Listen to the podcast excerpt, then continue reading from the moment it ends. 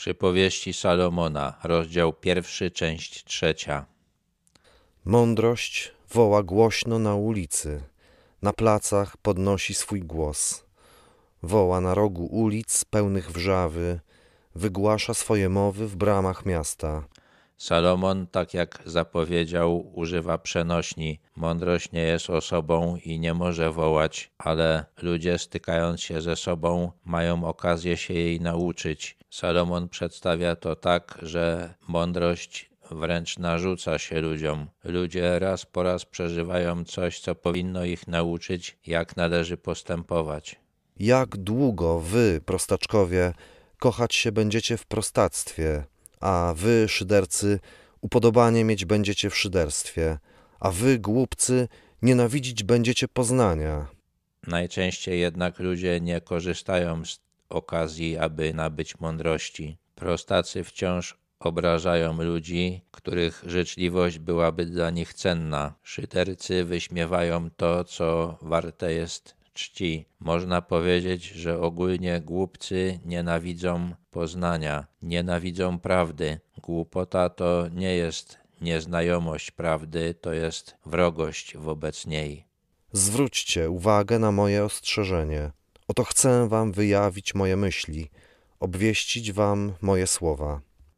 Mądrość nie jest osobą, ale pochodzi od Boga. Bóg stworzył świat w taki sposób, żebyśmy się nauczyli pewnych prawd i poznali pewne Jego myśli.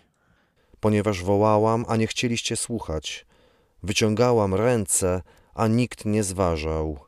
Ponieważ nie poszliście za moją radą i nie przyjęliście mojego ostrzeżenia, dlatego i ja śmiać się będę z waszej niedoli, szydzić będę z was, gdy was ogarnie strach. Często uważamy, że nieszczęście przychodzi z nienacka, że nie można było przewidzieć tego, co się stało, ale Salomon uważa inaczej. Zanim człowieka spotka nieszczęście, ma wiele okazji, aby go uniknąć, zaprzestać swojego niemądrego postępowania, którym sprowadza na siebie niedolę. Przytrafiają mu się różne rzeczy, które powinny być dla niego ostrzeżeniem, które są okazją do tego, aby uniknąć niedoli. Często lekceważymy te ostrzeżenia i wpadamy w kłopoty. Dla kogoś, kto stoi z boku, nasze niedole i sposób, w jaki do nich doprowadziliśmy, mogą wyglądać bardzo śmiesznie, choć my raczej będziemy czuli strach.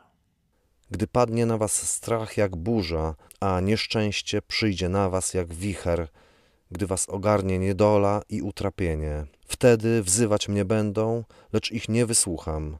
Szukać mnie będą, lecz mnie nie znajdą.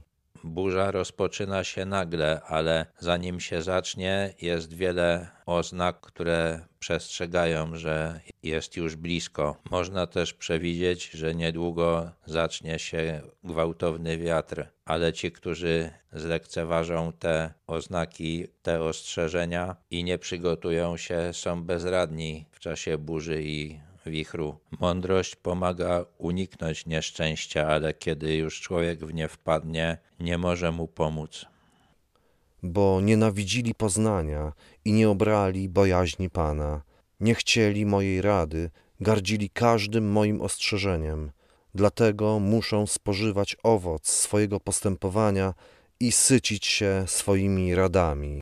Salomon uważał, że bojaźń Pana jest początkiem mądrości. Jeżeli ktoś nie ma tej bojaźni, nie może być mądry i będzie musiał ponosić konsekwencje swojego głupiego postępowania i głupich wyborów. Gdyż odstępstwo prostaków zabija ich, a niefrasobliwość głupców ich gubi. Wcześniej Salomon mówił o tych prostakach, którzy kochają swoje prostactwo i o głupcach nienawidzących poznania. Ostatecznym rezultatem trwania w głupocie jest zguba w tej czy w innej formie.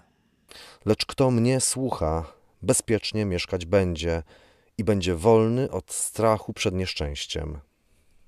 Owoc mądrości jest dokładnie przeciwny. To bezpieczeństwo i spokój. Człowiek prawdziwie mądry nie musi się bać nieszczęścia.